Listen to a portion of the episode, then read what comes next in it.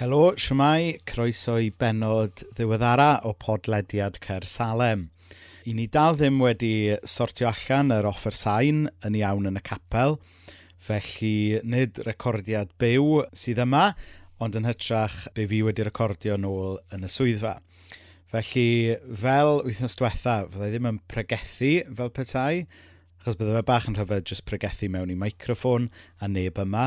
Felly fyddai jyst yn cyflwyno um, chydig bach o'r syniadau a'r gair gath i rannu yn Cersalem di Sil. Felly gobeithio newch chi fwynhau a bydd y neges yma yn fuddiol. Felly, i ni yn gwneud cyfres yng Nghersalem ar hyn o bryd yn edrych ar gwestiynau cwestiynau sydd wedi dod mewn gan aelodau'r eglwys a cwestiynau mae aelodau'r eglwys falle wedi clywed pobl eraill yn gofyn cwestiwn i ni'n taclo heddiw, a mae'n briodol iawn gan bod e'n wythnos le ni'n dathlu gwyl ddewi, ydy'r cwestiwn yma. Sut ddylai Cresnogion ymateb i genedlaetholdeb heddiw? Mae cenedlaetholdeb yn rhywbeth sy'n ôl mewn ffasiwn. Mae gwahanol fathau o genedlaetholdeb yn dangos i ben o'n cwmpas ni dyddiau e yma. Draw yn America mae cenedlaetholdeb Donald Trump yn amlwg iawn. Dros y blynyddoedd diwetha, rhyw fath o genedlaetholdeb sydd wedi bod tu ôl Brexit. Yn yr Alban, mae'r SNP a'r frwydr am annibyniaeth yna yn mynd o nerth i nerth, yr un peth yn Catalwnia, ac hefyd yma yng Nghymru. Mae mudiad Yes Cymru yn fudiad sydd yn tyfu, a dim ond chydig fusodd yn ôl, oedd yna 8,000 o bobl yn gorymdeithio am annibyniaeth i Gymru yma yn rhef Carnarfon, rhywbeth byddwn ni byth yn dychmygu byddai wedi cael y fath gefnogaeth dim ond ychydig flynyddoedd yn ôl. Felly, mae cenedlaetholdeb yn rym real iawn mewn cymdeithas, mewn gwleidyddiaeth heddiw. Felly, mae'n gwestiwn da oherwydd fel Cresnogion, fe ddylen ni gael ymateb Cresnogol i bopeth sy'n mynd mlaen o'n cwmpas ni. Felly, mae'n briodol iawn bod ni'n ymateb i hyn, Yn arbennig falle a hithau yn wythnos gwyl ddewi. Y darn o'r gair sy'n mynd i roed arweiniad i ni heddiw ydy yn gyntaf rhan o Genesis a wedyn llyfr y datgyddiad. Ond dwi am ddechrau fel hyn drwy ddyfynnu geiriau enwog T.H. Parry Williams. Beth yw'r ots gen i fi am Gymru? Damwain a hap yw fy mod yn ei libart yn byw – Nid yw hon ar fap yn ddim byd ond cilcyn o ddeiar mewn cilfach gefn, ac yn dipyn o boendod i'r rhai sy'n credu mewn trefn. Pam yn bod ni'n trafferthu gyda'r Gymraeg? Pam yn bod ni yng Nghersalem yn trafferthu a ddoli ac enhadu yn Gymraeg pan mae pawb yn cwmpas ni yn gallu siarad Saesneg? Dwi'n meddwl fod y neges i ddefon ni heddiw yn helpu ni esbonio pam.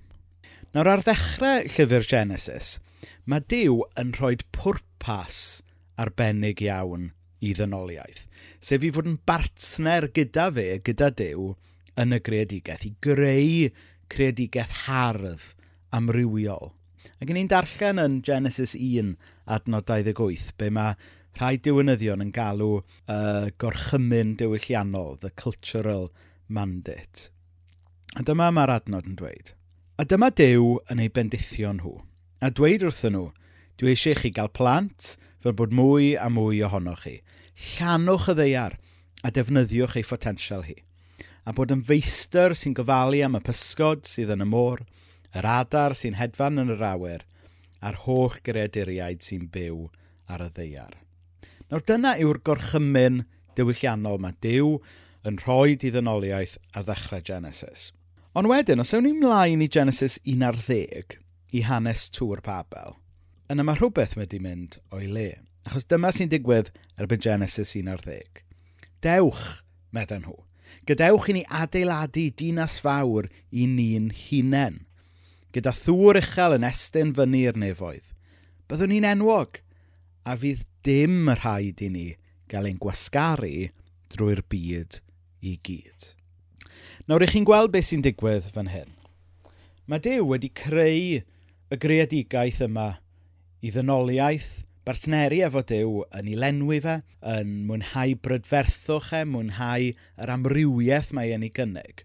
Ond mae dynoliaeth oherwydd balchder, oherwydd be mae'r Beibl yn galw yn pechod, yn meddwl, mm, actually, ni'n meddwl bod ni'n gwybod o well. Ni, ni just eisiau setlo fan hyn a just wneud un peth, bod yn un genedl, a siarad un iaith.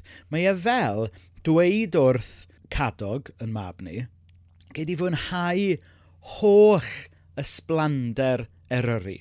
Allwn ni fynd i gerdded lan yr wyddfa. Allwn ni fynd ar y trem bach o amgylch lle'n padarn. Fe allwn ni fynd lawr i gader idrys. Allwn ni chwarae trwy'r holl brydferthwch parc cenedlaethol Eryri. A mae Cadog yn troi rownd a dweud, actually dad, fi jyst eisiau aros adre a chwarae PlayStation. Mae Dyw yn cynnig yr holl amrywiaeth, yr holl prydferthwch sydd gan gredigeth Dyw i'w cynnig. Ond mae well gan ddyn aros mewn un lle yn siarad un iaith a gwneud enw iddo fe ei hun. Yn naturiol, mae Genesis 1 ar 10 yn adrodd fod Dyw ddim yn hapus gyda hyn. Felly mae Dyw yn ôl yr hanes yn camu mewn ac yn ymyryd. A dyma mae e'n dweud yn Genesis 1 ar 10, adnod 5 i 8. A dyma'r arglwydd yn dod i lawr i edrych ar y ddinas a'r tŵr roedd y bobl yn ei hadladu. Ac meddai, maen nhw wedi dechrau gwneud hyn am eu bod nhw'n un bobl sy'n siarad yr un iaith. Does dim byd yn eu rhwystro nhw rhag gwneud beth bynnag maen nhw eisiau. Dewch, gadewch i ni fynd i lawr a chymysgu eu hiaith nhw fel na fydden nhw'n deall ei gilydd yn siarad. Felly dyma'r arglwydd yn ei gwasgaru nhw drwy'r byd i gyd, a dyma nhw'n stopio adeiladu'r ddinas.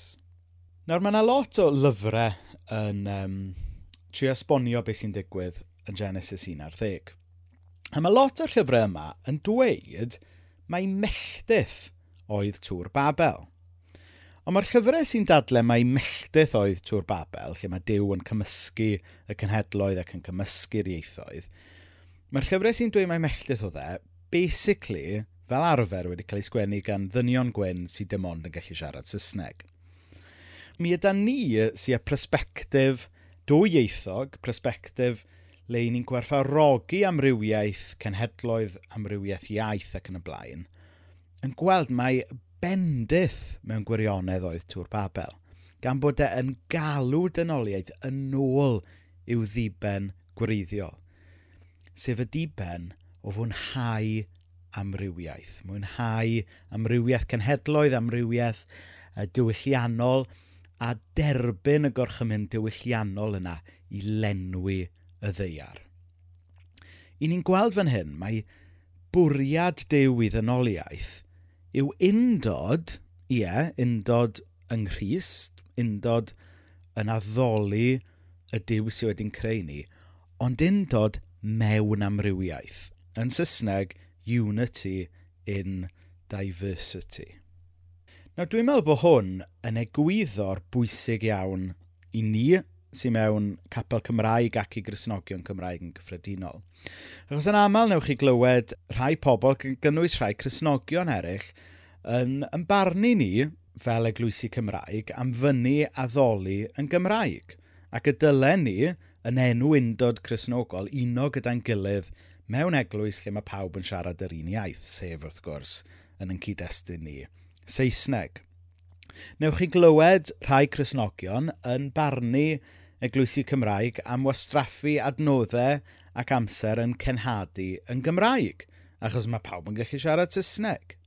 Ond da ni yn credu fod addoli yn Gymraeg a cenhadu yn Gymraeg yn bwysig, achos dyma yw'r drefn mae Dyw isio i ddynoliaeth. Mae e isio undod mewn amrywiaeth. Nawr mae'r iaith Gymraeg yn bwysig i fi. A rheswm pam bod yr iaith Gymraeg yn bwysig i fi yn syml iawn yw achos dyna yw'r iaith dwi'n siarad efo Dyw yn ddi. Mi fysa siarad efo Dyw yn Saesneg yr un mor rhyfedd a fysa hi taswn ni a mena fy ngwraig yn dechrau siarad Saesneg efo'n gilydd. Mae yna rhywbeth arbennig am fam iaith rhywun. Mae e'n cyffwrdd rhywun mewn ffordd dyfnach nag unrhyw ffordd arall. Ac felly dyna pam bod e'n bwysig bod ni'n rhoi cyfle i bobl addoli yn ei mam iaith a ddoli yn Gymraeg. A dyna pam bod ni'n credu mae y ffordd gorau o rannu am gariad Iesu gyda'n cyd Gymru yw yn ei mam iaith yn y Gymraeg. Nawr, os newn ni neidio nawr o Genesis, yr holl ffordd trwyddo i datgyddiad, y llyfr ola yn y Beibl.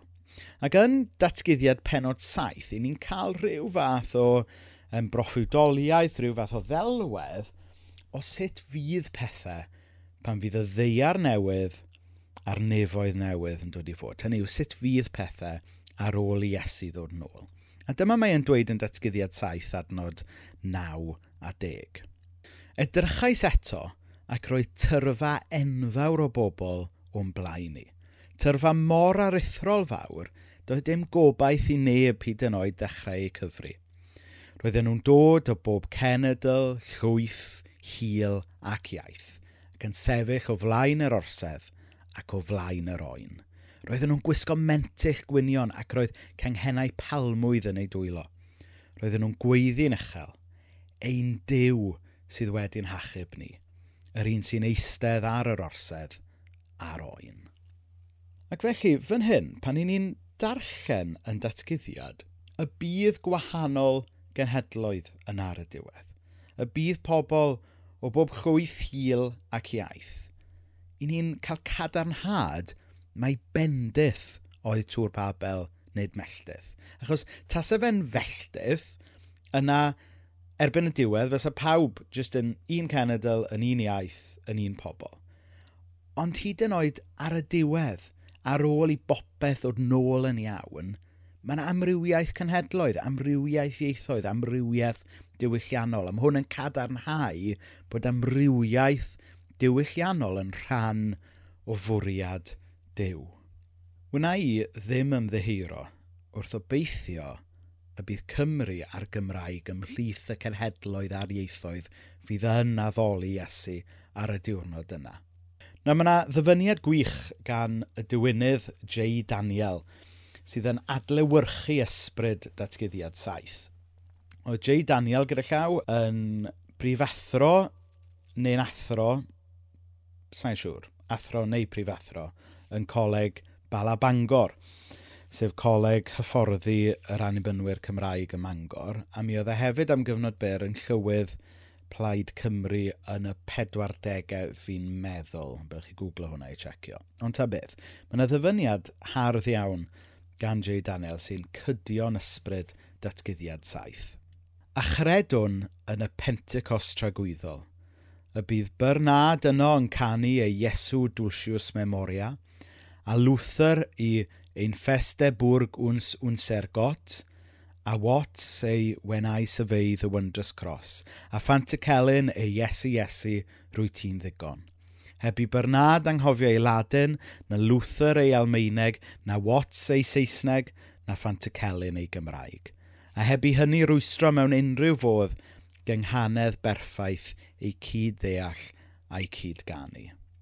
Nawr mae hwnna'n ddyfyniad hardd yn dydy, yn dangos er bod ni'n dod o wahanol genhedloedd, gwahanol chwythau, er yn bod ni'n siarad gwahanol ieithoedd, mi ydym ni'n gallu bod yn un yn Iesu Grist a mi ydyn ni'n gallu adnabod Iesu mewn amrywiol ieithoedd, a mi ydyn ni'n gallu uno gyda'n gilydd i addoli Iesu mewn amrywiol ieithoedd. Felly, o fynd nôl at y gwestiwn gwirioddol, sut dylai Cresnogion ymateb i genedlaetholdeb heddiw? Wel, mae'r ateb yw fel hyn, mae'n dibynnu pa fath o genedlaetholdeb chi'n siarad amdano. Os ydy'r cenedlaetholdeb yna yn un sydd yn hyrwyddo a dathlu amrywiaeth cenhedloedd, amrywiaeth diwylliannol, yna yn ofalus, dwi'n meddwl gall y Cristion gefnogi y math yno o genedlaetholdeb. Ond os yw'r cenedlaetholdeb yn un sydd yn stampio allan amrywiaeth cenhedloedd, yn stampio allan amrywiaeth diwylliannol, yna mae'r Cristion yn goffod dweud na wrth y math yna o genedlaetholdeb, oherwydd bod e ddim yn hyrwyddo y fath o fyd, y fath o ddynoliaeth mae Dyw eisiau ni i fod. Nawr un gair a rhybydd olaf. Mae e'n hawdd iawn i ni adael i'n cenedl a'n iaith ddod yn eilyn yn ein bywyd ni, ddod yn, yn ddiw, cymryd lle Iesu yn ein bywyd.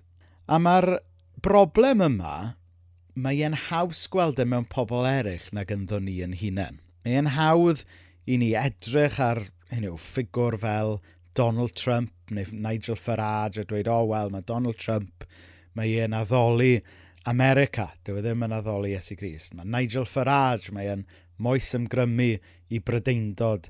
A mae'n hawdd chybod i ni bwyntio bus a barnu ffigurau felly, heb edrych yn eisall adre gyntaf.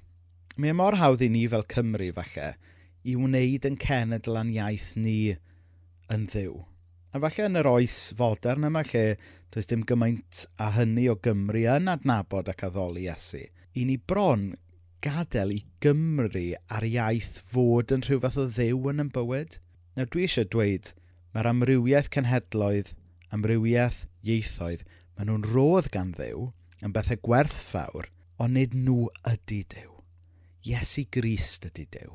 A be ydy'r iaith Gymraeg ydy un cyfrwng i ni wedi cael i ddwy'n clod i ddew, adnabod dew a siarad gyda dew trwyddo fe.